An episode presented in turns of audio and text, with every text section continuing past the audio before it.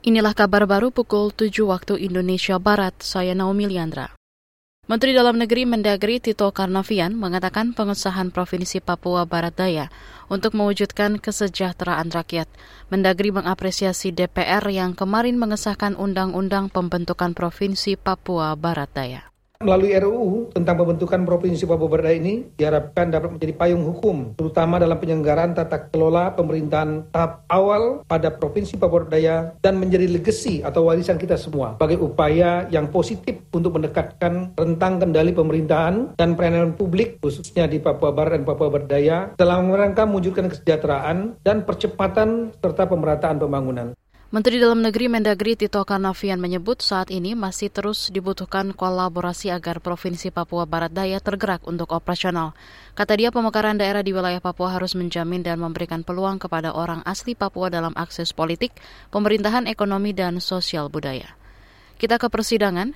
Sidang vonis terdakwa pencabulan santri Moh Subeki Azal Sani alias Mas Beki berlangsung ricuh. Usai vonis tujuh tahun dibacakan di pengadilan Surabaya, Jawa Timur, pendukung tak terima dan berteriak-teriak. Bahkan istri terdakwa Erlian Rinda berteriak emosional menuding putusan majelis hakim tidak adil.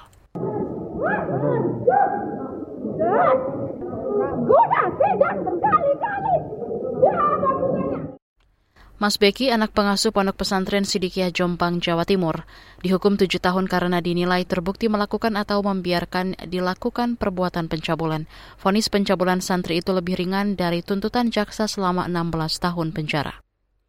Beralih ke berita olahraga, Tim nasional U20 Indonesia kalah 0-6 dari Prancis pada laga persahabatan di Spanyol Jumat dini hari. Akun media sosial PSSI menulis Indonesia juga menurunkan dua calon pemain naturalisasi, Justin Hapner dan Ivan Jenner. Pertandingan melawan Prancis tersebut menjadi yang pertama bagi timnas U20 Indonesia di Spanyol. Berikutnya Garuda Nusantara akan menghadapi Slovakia pada Sabtu.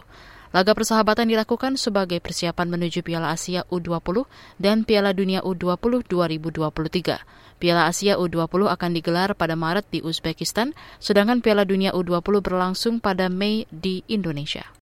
Demikian kabar baru, saya Naomi Liandra undur diri.